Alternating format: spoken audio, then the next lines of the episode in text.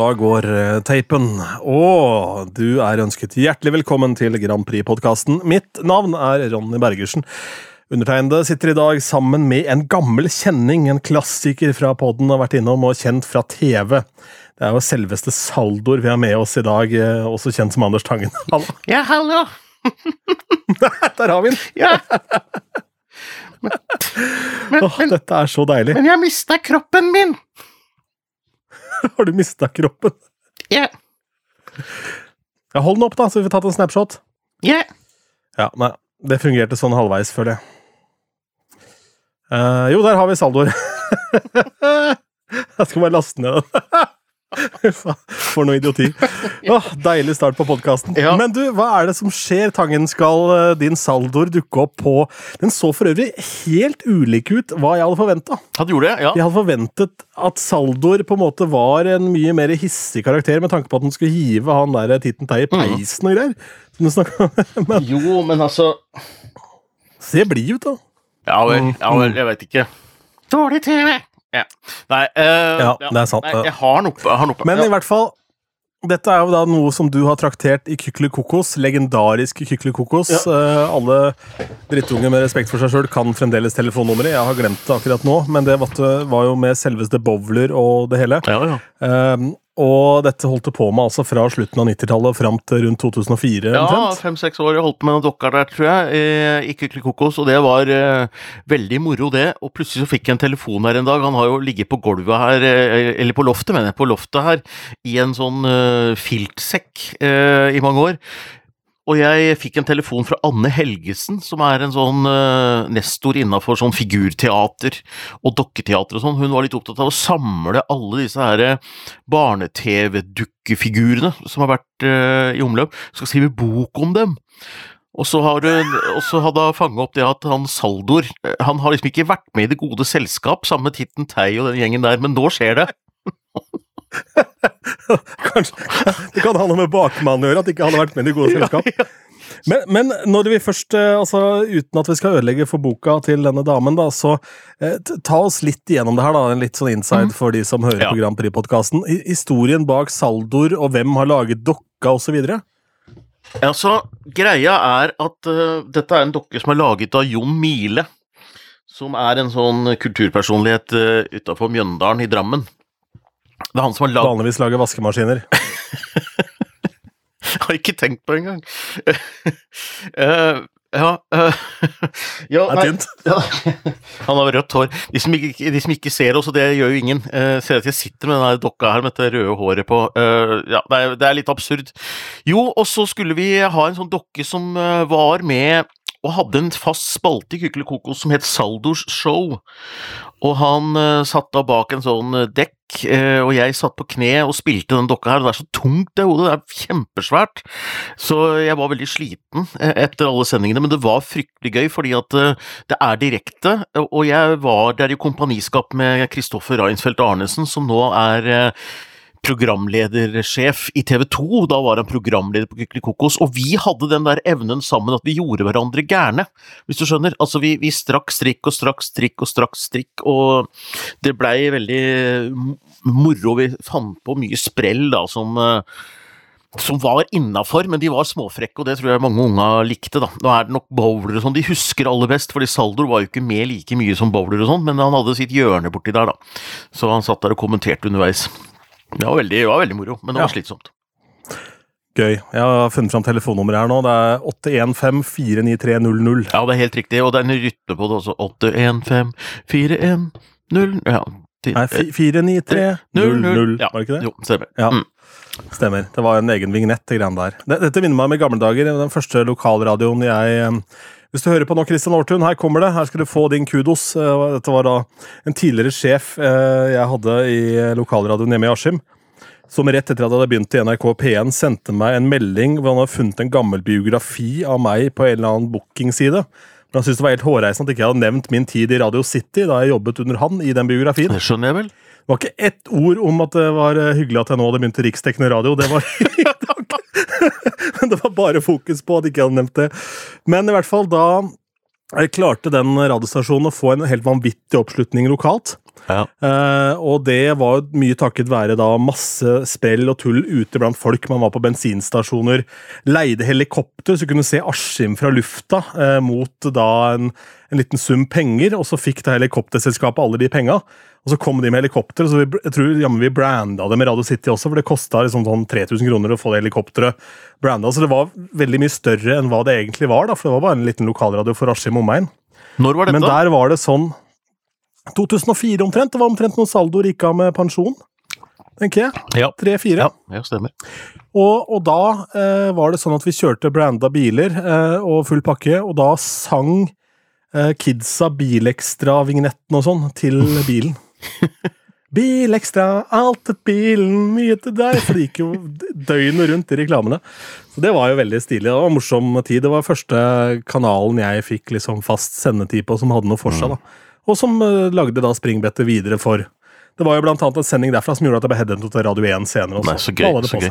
Nei, både du og jeg eh, opplevde jo eh, Jeg, da, også 90-tallet og 2000-tallet, hvor, hvor alt dette med media var mye nytt, og det skjedde veldig mye. og Det er helt annerledes nå, selvfølgelig, og jeg er veldig, veldig glad jeg fikk med det. det er, eh, hadde vel gjort andre ting nå, da. Hadde det vært nå, så hadde vi lagd podkast, antakelig. Ja, absolutt. Det er jo noe med det, da. Men eh, nei, det var en annen tid, og dette snakker jeg mye om med DJ-kollegaer også, at jeg er så glad for at jeg opplevde den tiden da musikk var et knapphetsgode. Ikke sånn som det er nå hvor alt er tilgjengelig, fordi da måtte du tenke helt annerledes. Når du skulle bygge et sett og gå ut på gig, så hadde du liksom den kassa med låter, på en måte. Ja. Det var det du hadde. Mens nå så er det sånn, ok eh, det, det må være et reint helvete å finne ut liksom hva du skal spille, fordi du har én milliard sanger å ta av. Eh, hva er kult? Hva er det som funker den helga her? Jeg tror det er litt derfor jeg faktisk helt seriøst driver og vurderer å kjøpe meg vinylplatespiller igjen. Nettopp for å ta bort Ja. denne valgmuligheten, for jeg merker at jeg driver og skipper mye og hører halve låter, og jeg blir litt stressa i hodet av det. Da vi var på ferietur i Danmark, så var det en eh, vinylspiller der, og da ja, ja, da satte jeg på eh, Santana, da, eh, i et eh, i, i, i, på vinyl, og da blei det Santana, da, i en halvtimes tid. Det var det jeg hadde. Jeg fortalte vel forrige uke om den spillejobben jeg hadde hvor jeg spilte bare gammel musikk. Stemmer. Første ønskelåta, Black Magic Woman Santana. Ja, ja. Ja. Og da er det, og så sier fyren Og du skjønner vel hvilken innspilling jeg skal ha? Så ja, det er den. Den tidlige fra rundt 69, ja. Stemmer. Å, det er bra. Og da har du allerede vunnet over en av disse gamle gutta, og han går og forteller absolutt alle rundt bordet at han derre unge DJ-en, eller han tjukke der borte med rare hårfeste, Mm. um, han vet litt om musikk, og da har du allerede vunnet over halve forsamlingen. Ja. Og, det, og det er gøy å møtes på sånn nerdekunnskap. Eh, Jeg har jo en eh, dagtidsjobb som karriereveileder i Front karriere, hvor jobben er å hjelpe folk ut i jobb. Eh, Og disse er jo da til felles at de, de går på Nav, og veldig mange har jo litt humor på det, og en av dem har en veldig interesse for vin. Det er selvfølgelig ikke lov å si hvem det er, alt taushetsplikt og sånn, men han, han, han eh, har interesse for vin. Så begynte vi å snakke litt sånn vin i pausa. Så vi har funnet opp et begrep, og det er Nav-vin. Han har lagd en fantastisk kompetent liste over Nav-viner. Det er altså viner som er kjempegode, men hvor, hvor du får mye for penga. Sånn at du har råd til det Ja. når du er naver, da. Så, det er, eh, så han har lagd en liste til meg som er helt fantastisk. Eh, morsomt skrevet, og eh, den er jeg veldig, veldig fornøyd med. Og det er noe med når du møter folk, som du sier, altså den innspillinga, den årgangen eller den vinen, det er en sånn møte du skal unne seg av og til, da. Men denne fyren, da, hvis han da har såpass eh, hva skal jeg si, ironi på det, så har han en podkast med flere tusen lyttere i uka. Helt riktig. Hvis han gidder å lage korte episoder om den Nav-vinen. Jeg skal foreslå det. Eh, og det kan ja, gjør det, og det kan du si til han, så kan han få all hjelp han trenger til å sette opp dette opplegget av meg. Ja, det skal jeg foreslå. Ja. Det koster én Nav-vin, kan du si. ja, ja. ja, spennende. Ja, men det skal Ja. Det, da, da er han ute av eh, Nav, tenker jeg, for da du tjener så mye penger på å lage podkast. Ja, Det kommer an på hva du driver med. Hvis du driver som en sånn surr som vi gjør, så blir det ikke så mye kroner av det. Men hvis du lager om Nav-vin, så tenker jeg at det der er jo det alle lurer på. Det er jo den hellige gral. Hva er en billig, god vin? Fordi eh, som vi snakka om før her, så jeg kan ikke gå og kjøpe en dyr vin, for den, opp, den er for tung. Ja. Den, er liksom, det er, det er, den blir for avansert for min gane. da. Eh, og jeg har jo ikke peiling på vin, men jeg snakket med en kompis her som bare drikker hvitvin, så jeg, men det er jo ikke noe spennende. Mm. Altså, Det er jo ikke noe gøy med hvitvin. Altså, Du må jo komme deg over i det røde, men du må ha noe lettdrikkelig, du da, åpenbart. Mm. Uh, og da er det jo sånn han da, som er nyskilt og liker å jåle seg til litt, selv om han bare sitter hjemme i pysjbuksa og spiller PlayStation mens han drikker vin, uh, så er det viktig at den snappen kommer. Ja, I dag er den lille franske, ikke sant? Han må Ja, tøffe ja. seg litt, da. Ja, ja, ja. Der, og da er klart, da må du jo ha, ha en Da kan han ende opp med en eh, drittung Amarone, ikke sant? Ja, ja, ja, ja. Som første inngang til rødvin, og da er jo han ferdig. Du- du- Han bruker jo seks uker på å drikke den. Du går på et smell, ikke sant. Nei, det er eh, Nei, men det, det skal jeg jammen foreslå. Eh, seriøst. Han, eh, han Men det som, er, det som er det geniale, er jo at eh, du har jo hatt en vininteresse før hvor du kanskje hadde en annen økonomi, da. Så, så du, du, kan jo Du har vinkunnskapen, du har testa de dyre, men så har du ikke samme økonomien lenger, så må du tilpasse vinsmaken etter økonomien. Og da Det er, eh, tror jeg er veldig aktuelt for veldig mange i, i eh, dagens virkelighet, da. Så Nei, men eh, Ja, Det er aktuelt for hele landet, det, rett og slett, sånn, bortsett fra noen få sånn Petter Stordalen-folk. Jo, jo. Jo, jo. ja. Er, eh, men du, la oss snakke om noe annet som er aktuelt. Det er altså så knakende deilig å kunne åpne New Music Friday, så er det bilde av fuckings Beatles. ja, er ikke det fantastisk? Å, herregud. Eh, og eh, altså For mange år siden, ja, omtrent da jeg begynte å jobbe i Radio City, da, 2004 omtrent der, så kåret de noe under radiodager som var Årets radiostikk. Altså som Det var ikke da Årets radio-DJ, det var som Årets radiostikk, og da husker jeg Dette er 2003 blir det, for da husker jeg Espen Hoff på Energy spiller da Black Eyed Peas, Where Is The Love, og sier noen ganger så dukker det opp en sang som gir deg gåsehud på steder på kroppen du ikke visste det gikk an til å få gåsehud. Ja. Og så spiller han da Black Eyed Peas, som var sommerens store låt da i 2003, Where Is The Love. Og den følelsen fikk jeg, hvis ikke du har sett dokumentaren, det er en 12-13 minutter lang dokumentar om den innspillingen som ligger på YouTube, det ligger link under her, da du hører den isolerte vokalen av John Lennon der. Fy faen. Ja. Det var, eh, og dette kom jo til av Peter Jackson, mannen bak Ringenes herre, som da han lagde denne Get Back-dokumentaren, eh, rett og slett satt sammen alle folka i verden. Han brukte så mye ressurser på det til hjelp, for å da kunne isolere instrumentene og analysere Beatles. Og så er det nå brukt da for å lage den siste Beatles-sangen, det siste som var igjen i hvelvet, på en måte. Er, eh, nei, det er gåsehud. Det eh, det er virkelig gåsehud, og jeg syns en uh, sa det veldig godt. Jeg husker ikke hvem som sa det, men det var godt sagt for det. Hvor han sa at dette er ikke kunstig intelligens, dette er jo ren intelligens.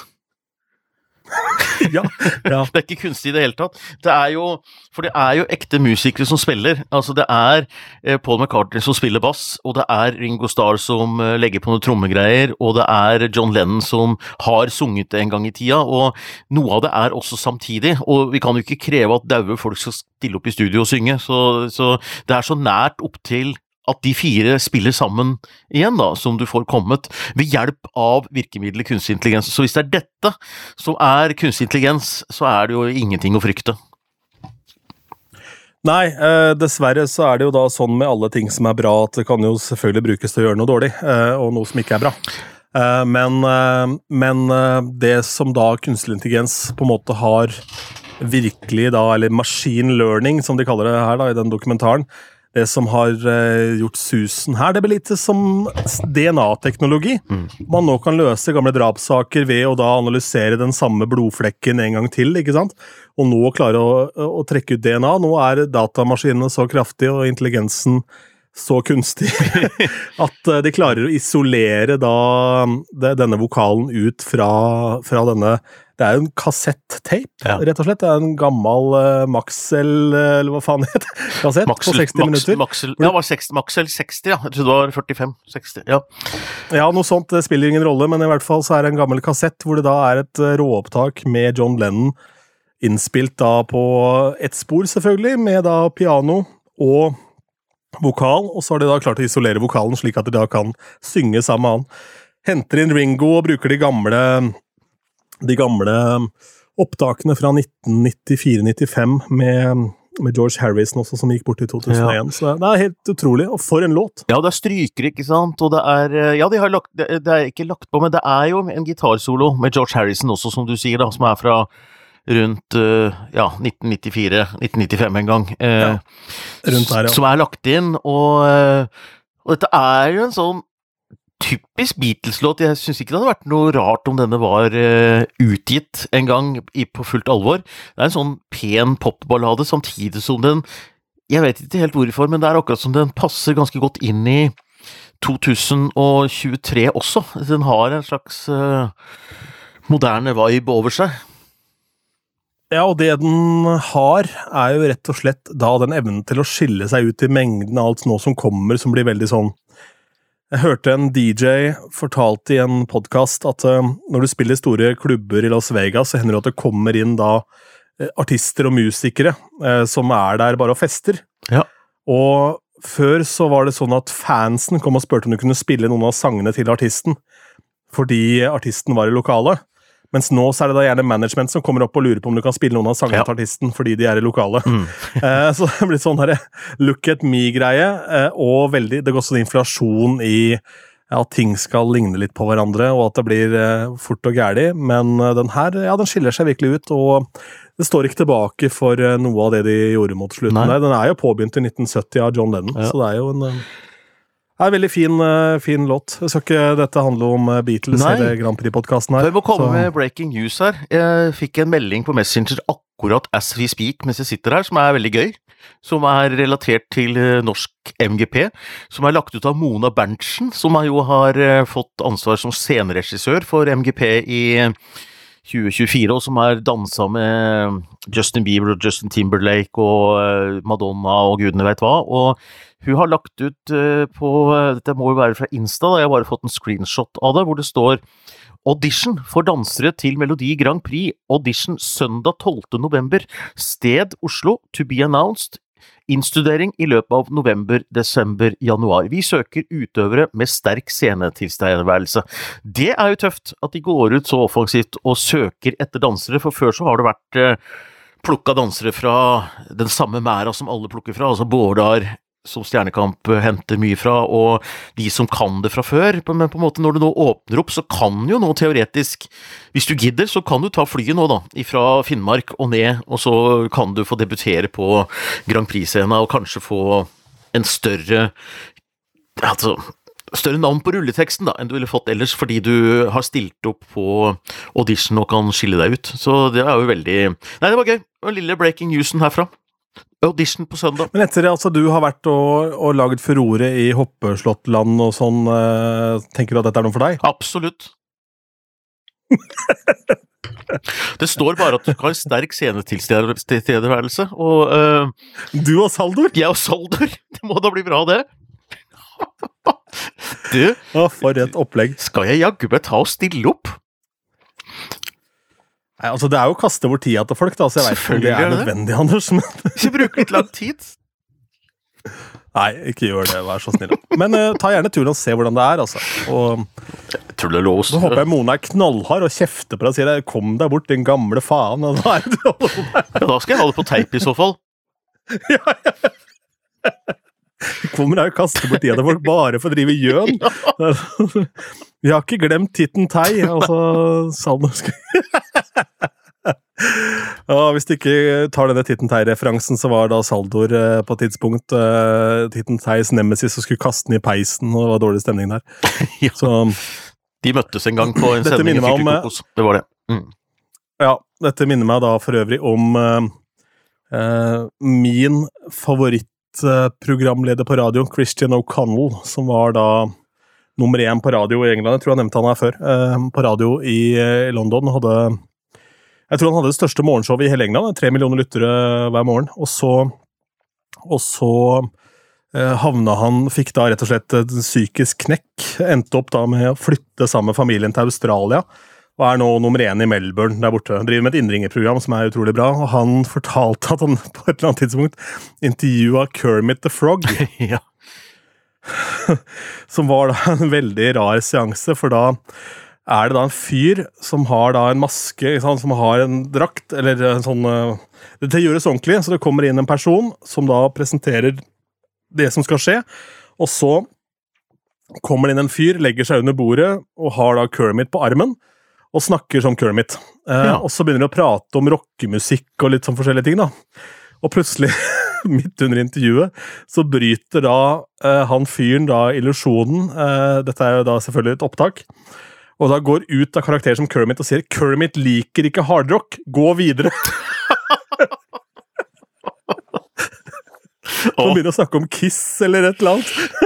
Åh, men det er så bra, fordi at eh, eh, Nå hadde jeg seks år som dukkespiller sammen med Saldor, og dette høres kanskje rart ut for folk som aldri har vært i den verdenen der, men eh, Saldor finnes jo. Jo, han har eh, en sterk eh, medsammensvoren i meg, men jeg er ikke Saldor, og Saldor er ikke meg. Men når jeg får på meg den dokka der, så blir jeg på en måte Saldor, og jeg vet nøyaktig hva han reagerer på, og hva han holder på med, som er helt annerledes enn det jeg holder på med. Jeg vet nøyaktig hva han kommer til å reagere på, og hvordan han vil håndtere situasjoner og sånn. Så det hendte jeg tok telefoner til Kristoffer som Saldor, fordi da snakka bare Saldor, så han holdt på på siden av, og det, og det var overhodet ikke meg, da. Ja, Det er deilig, altså. Mm. Jeg kjenner du lever. Han var jo lydtekniker fra Raufoss, må aldri glemme det. Saldor, i utgangspunktet. Saldor? Ja, han var i Ja, skjønner, lydtekniker fra Raufoss. Ja, riktig. Nei, men det er bra. Det er godt å høre. Der hadde du lange, gr- lange røde håret. Um, Greit. Skal vi se.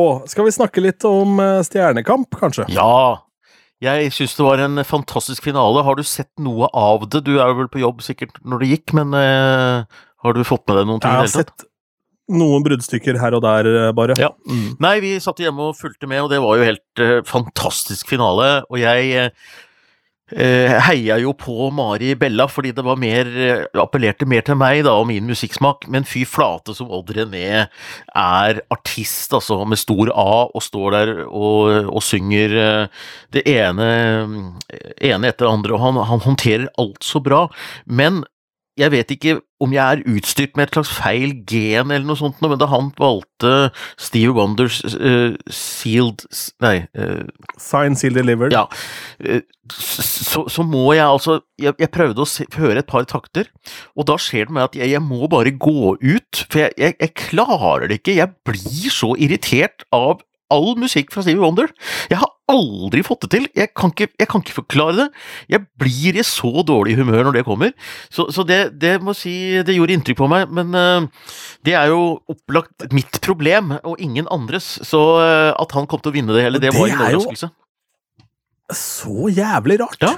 Å hate liksom Stevie Wonder, uh, som, som er opplest og vedtatt dritbra, liksom. Ja, ja. Nei, jeg, jeg, jeg blir Gi meg trekkspillfestival, altså. Det er kjør på. Men uh, Stevie Wonder, da er det blackout. Eh, Det er et eller annet er, Og det er veldig interessant. De har det litt samme um, Chick Korea. Hvis de setter på den der låta Spain Jeg får altså Ja. jeg, jeg, jeg, jeg, blir så sint. Det er som om jeg skulle drikke en flaske akevitt. Jeg, jeg blir mannevond. Og det er uh, Har du det sånn med noe musikk at du, du, du blir bare sint? Helt uten grunn? Ja. Nei, det er svært lite, og det er jo Og det er jeg ekstremt glad for, fordi alle sanger har en slags verdi for meg, da, eh, sånn rent faglig, for Og det er da Godt eksempel på det er da jeg var på treningssenter i Askim, og så hadde jeg jobba i Radio City en stund, og så var det bare meg og en sånn voldsomt svær bamse av en fyr der på litt sent på kvelden. Og da sa han at jeg liker så godt musikken dere spiller, særlig den Timmy T, One More Time, Ja. eh, som er en sånn gammel tåreperse, var nummer én i USA, fordi da skulle Radio Metro den gangen være sånn Klemme FM-killer-kanal.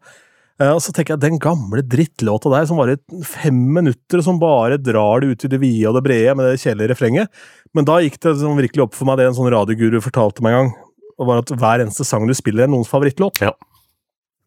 Og derfor så har jeg aldri da tillatt meg å hate musikk, og heldigvis så er det sånn at uh, jeg heller ikke har latt da yrket mitt, være seg innenfor radio eller noe, ødelegge min egen glede av musikk. Nei. da. Det er svært få, svært få artister og sånn som har blitt ødelagt. Og det gjelder også kjærester og sånn. De har aldri fått ta fra meg sanger. Nei. Selv om jeg sant, eh, har da favorittlåter som eh, Når du nevnte Stevie Wonder nå, så så vi på filmen High Fidelity, og der er det vel en låt som eh, med Stevie Wonder eh, på soundtracket som eh, Jeg husker jeg lagde en hel plate med Stevie Wonder-låter til, eh, til ekskjæresten min, Mm. men Jeg har fremdeles ikke et så anstrengt forhold til han som, som du har. Nei, og og, og, men jeg innser at det er jeg som har et problem. Altså, Jeg har jo litt selvinnsikt, så jeg skjønner jo at dette er bra. Altså, Jeg, jeg skjønner at det er jeg som er dust her. Jeg, ikke, jeg sier jo ikke at han er dust eller at musikken er dårlig, overhodet ikke. Jeg hører jo at det er bra, men det er bare et eller annet Altså, noen reagerer på isopor på øh, glassruta, jeg reagerer på med Quincy Jones på samme måten. Øh, jeg må bare gå. Ja, eller Stevie Wonder, da. Stevie Wonder, mener jeg. Hva, hva sa Quincy, ja, hva sa jeg? Ikke Quincy Jones. Ja, ja, det òg. Quincy Ja, men det er litt òg. Men, øh, men ikke så mye. Han. Nei da. Nei, Quincy Jones Men, altså? Men øh, Koker du ned til svarte folk her, Anders? Hæ? Ja, men jo, det verste er eh, eh, Jo, nei, selvfølgelig ikke. Men eh, dette tror jeg jeg har sagt litt om Soul. før. Ja, også det som er rytmisk basert musikk, har sjelden like stor appell for meg som eh, det som er melodisk basert musikk. Og jo lenger vestover du drar, og da nærmer du deg afrikanske rytmer og alt dette, og, og blues og soul kommer jo derfra, ikke sant? Og, og det har aldri appellert like mye til meg som italiensk popmusikk eller østeuropeisk popmusikk og sånt, fordi det er mer melodi i det.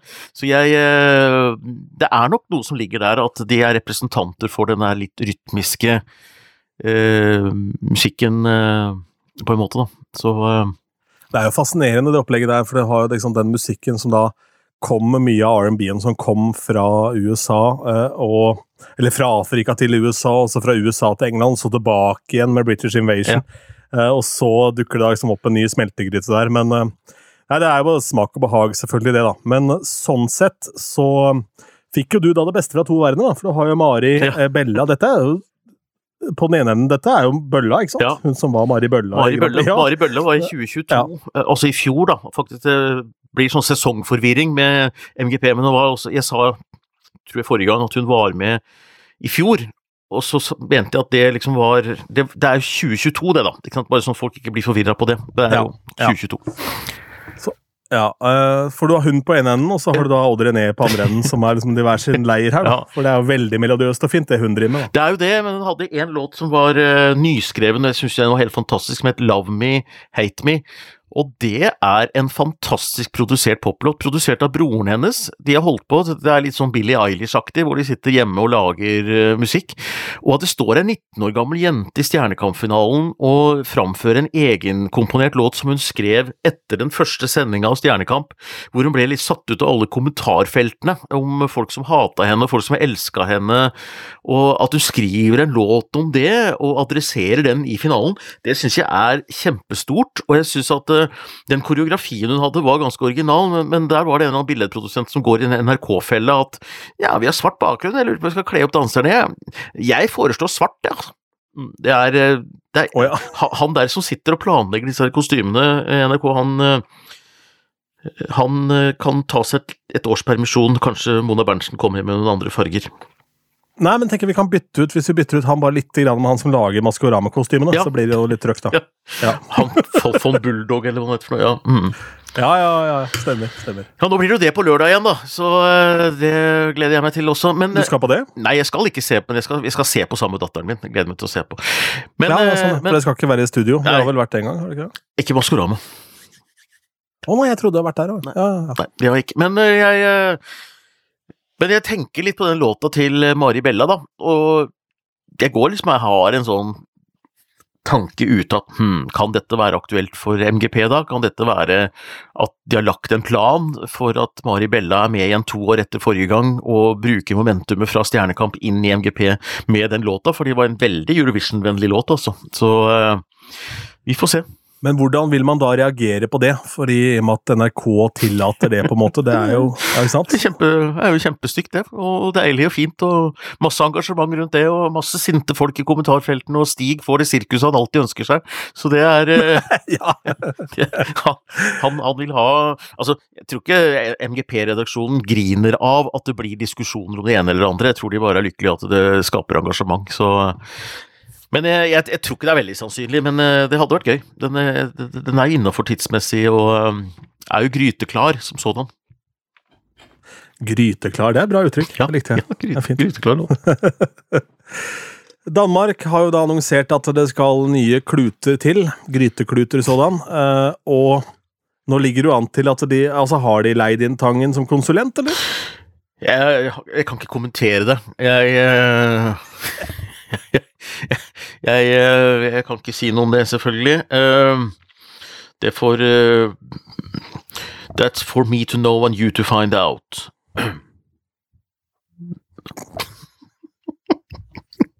Men i hvert fall, ja. ditt slagord, eh, 'mindre jalla, mer gala', ser ut til å på en måte bli eh, brukt i Danmark nå? Ja, det er litt pussig. De sier at de skal ha mindre ølglass og mer champagneføring. Mer sånn eh, høytid rundt eh, finalen. Og på mange måter så går de litt tilbake til 60-tallet, fordi de skal også ha finalen som da er 17. februar, så skal de ha et prisshow i løpet av uka, hvor låtene skal framføres akustisk eller med lite orkester, og så skal det gjøres da med større sammenheng på lørdag. Sånn at låtene skal framføres én gang eh, bare med sånt lite altså lite band akustisk, og så kommer det da en fullversjon på lørdag. Det var jo sånn NRK holdt på på 60-tallet, og jeg, jeg, diskuterte dette med kjæresten min, for vi har gitt litt opp å se dansk MGP sammen, fordi Eh, det er så langtekkelig. Programmet varer i tre timer, og det samboeren min sa liksom at eh, For jeg leste opp den nye strategien. Da skulle være litt, litt mer glam, litt mer eh, glamour, litt mindre rølp og bedre låter, og de skulle framføre det akustisk, og, og så sier du liksom bare sånn Ja, men er det ikke bare å få litt bedre låter, da? Må, de, må, de, ikke begynne der? Ja, jo. jo. Og så skryter de av. Det er liksom sånn derre Det har ikke kommet inn færre enn hele 500 låter er sendt inn til dansk MGP i år. Og det er jo under halvparten av det som kommer til MGP i Norge, ikke sant? Og det er jo bare en fjerdedel av det som kommer til svensk Melodifestivalen, og det tror jeg er noe av problemet, at det er ikke bredt nok tilfang da, i Danmark. Men Stig har jo vært der borte og gitt, hvisket dem noen ord i øret. Det fortalte han jo oss på denne eh, podkasten vi hadde med Stig, så vi får se da om han har eh, fått det til. Nå ligner ikke Stig å kjøre mer champagne og mindre øl, så jeg vet ikke om han har vært konsulent på akkurat det, men uh, der er min rolle litt De har vel tenkt hva ja, hva er mindre dansk enn hva vi pleier å ha? Ikke sant? Så det er jo da mer champagne og, og mindre øl, da. Men dette høres jo helt uh, rart ut i forhold til hvordan lydbildet er på musikk om dagen. Da. Med at det skal, må kunne brytes ned akustisk, det må funke på flere plan der. Inn med Altså hmm, Dette kan bli interessant. Ja, det kan bli veldig interessant, og jeg uh, kjenner at uh, det skal de ha for. Altså, De tar noen interessante grep, så jeg blir litt nysgjerrig på hvordan, hvordan låter dette, da? Hvordan blir dette? Så det, de skal ha for forsøket, men så tenker jeg at det, det kan lett bli litt sånn å pynte bruda, da. Pynte liket, er det ikke? Nei, pynte bru... Nei, hva er det uttrykket? It's still a pig, er det ikke det de sier? Ja. Pynte grisen. Ja, ja, ja. You can put lipstick on a pig, but it's still a pig. Ja, ikke sant. Så, så hvis du ikke har bedre låter, så nytter det ikke å Nei, nå skal vi spille det på munnharpe på onsdag. Så skal vi høre hvordan det blir med fullt trøkk på lørdag. Det er jo ikke Det redder jo ikke låtene. Men vi får se. Er, eh, de skal ha for forsøket. Jeg, det, jeg blir litt nysgjerrig, i hvert fall. For en gangs skyld. Det er fullt eh, lov å bli litt eh, nysgjerrig. Um, noen andre som er nysgjerrig, er en av våre lyttere som eh, jeg prater med ganske ofte, som da er inne på noen datingapper nå, og begynt å date nå. Uh, og så fant hun et menneske som ligna veldig på deg på datingappen. Uh, hadde selvfølgelig da ikke vett til å ta screenshot og sende inn her, men uh, het ei heller Anders. Men du skal vite at det er en Anders look-alike der ute i datingland. En look-alike, eller er det noen som har stjålet bildet av meg? For det har jeg nemlig opplevd, at noen har brukt et bilde fra meg på noen sånn datingapp. Men det er en som ligner, håper jeg. At det er ikke meg. Har du sett bildet? Nei, jeg har ikke sett bildet. Hun tok ikke screenshot, hun glemte det. Men det, det kan jo hende at noen har stjålet bilde av deg. Men det må jo tas med et jævlig kompliment, da. Ja, ja, ja. Det er Ja, ja, for all del. Uh, kjør på. Jeg uh, har blitt jeg, jeg, fikk en stund veldig sånn meldinger på Insta. Der var det en som drev og brukte bildene mine og kalte seg forskjellige ting. og la ut personlige bilder. Saldoer? la ut saldoer. Det er forresten et mareritt å bli kvitt deg, for du kan ikke bare rapportere profilen som falsk, du må dokumentere at dette bildet egentlig er ditt, da. Så da må jeg sende inn hvor jeg har publisert bildet mitt før, og så kan de gå inn, for da har de en konkret ting å ta han på. Men det nytter ikke bare å si at han utgir seg for å være meg, for det gjorde han jo ikke, han brukte jo ikke navn eller noe sånt, han har bare lånt et bilde, og det har jo jeg for så vidt frasagt med rettighetene til idet jeg legger det ut, så det er en sånn Jeg har vurdert å betale penger for å verifisere min profil. Eh, til Meta, eller hva det er for noe. Ja. Eh, og det er ikke fordi så veldig mange stjeler min identitet. Det er en sånn todelt greie. Det ene er at det ser litt proft ut. eh, og det andre er at du får en helt annen type support så fort du betaler for noe. Sånn er det jo med alt. Hvis du da har en nettbutikk, altså hvis du sitter der ute og driver nettbutikk og ikke bruker penger på Google-annonsering, Mm. så bruk 100 kroner i måneden. og Du kommer til å oppleve en organisk vekst i trafikken din som er liksom femgangeren. Ja. Eh, Fordi så fort du bruker penger, så får du et helt annet innpass hos Google. Ja, ja. Selv om det bare er snakk om 500 kroner i måneden eller whatever. ikke sant?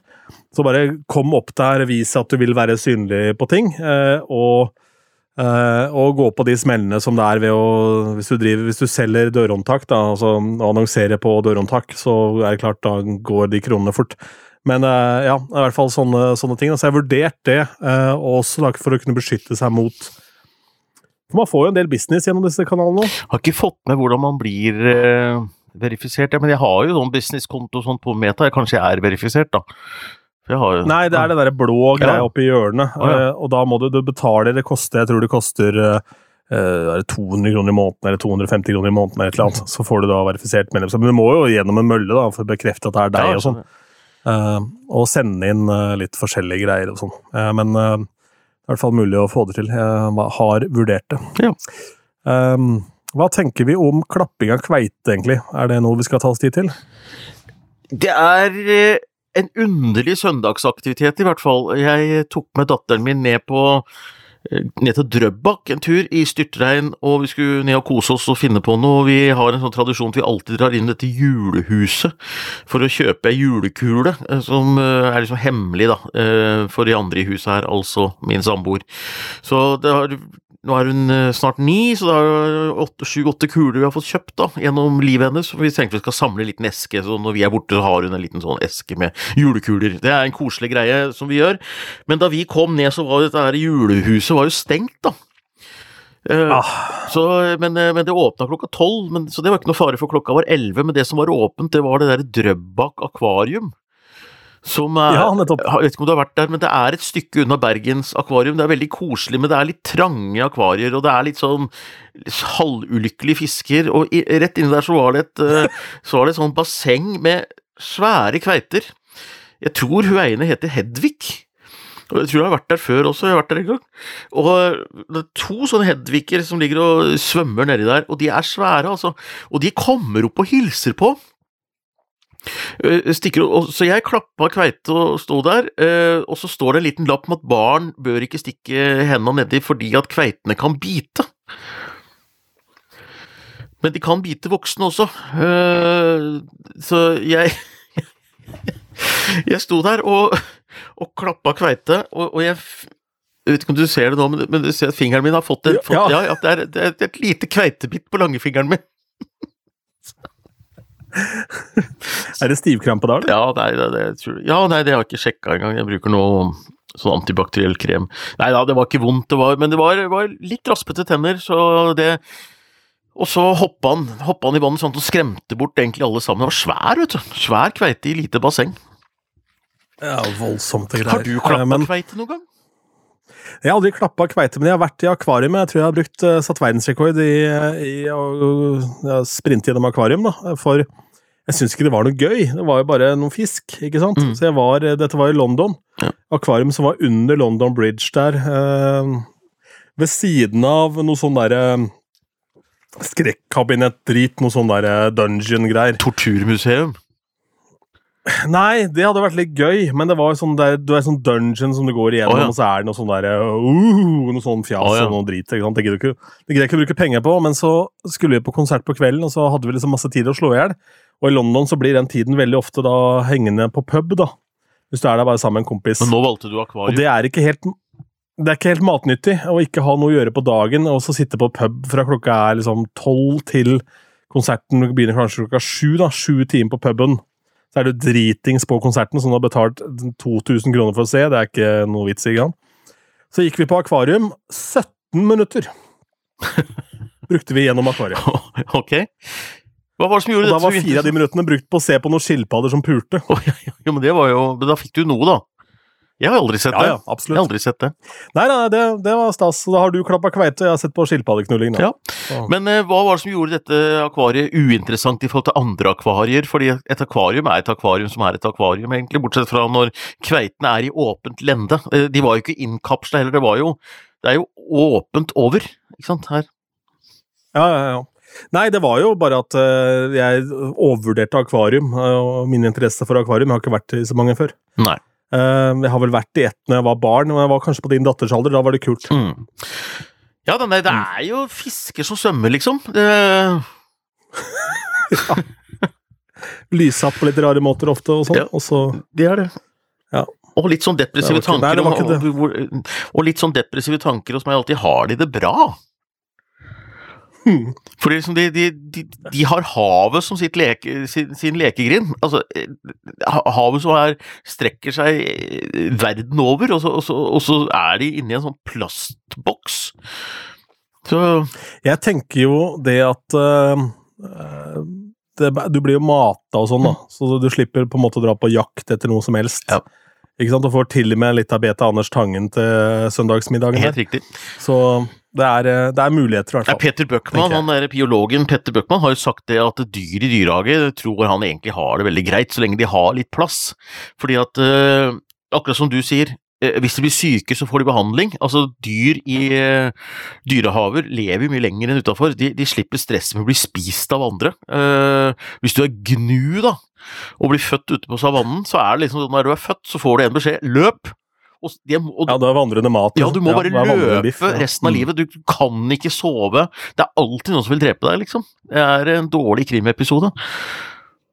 Ja, jeg er helt enig, og så varer det ofte jævla kort i krimepisodene, fordi du altså, Ja, det der har vel noen snakka om, eh, det var en standup-greie, at det er ikke veldig rart at liksom verdens raskeste dyr skulle jakte på nest raskeste dyr? Sånn, hvorfor må geoparden spise antilope, liksom? Ja, ja, ja det, er, det er kjemperart når det er så mye trege dyr du kan forsyne deg bare fritt av, da. Der har ulven gjort det bra med å ta sau, ikke sant? Ja. Altså, det er jo helt topp. Den står bare der, det er jo vandrende fårikål der. Ja, men da, dette her er jo en litt annen debatt da, igjen, da. Neida. Men ja, nei, det var noe med det. Jeg tenker at denne episoden her eh, avsluttes med to ting. Det ene er å si at hvis du vil kontakte oss, så har vi en e-postkasse som er åpen for business. Det er eh, hei at grandprixpod.no. Send inn hva enn du har på hjertet. Og nummer to, hvis ikke du har hørt det ennå, ikke sett dokumentaren, så kan du lene deg tilbake nå og nyte den isolerte vokalen fra 70-tallet av John Lennon på den helt nye låta til Beatles, Now and Then, her. I know it's true. It's all because of you. And if I make it through, it's all because of you.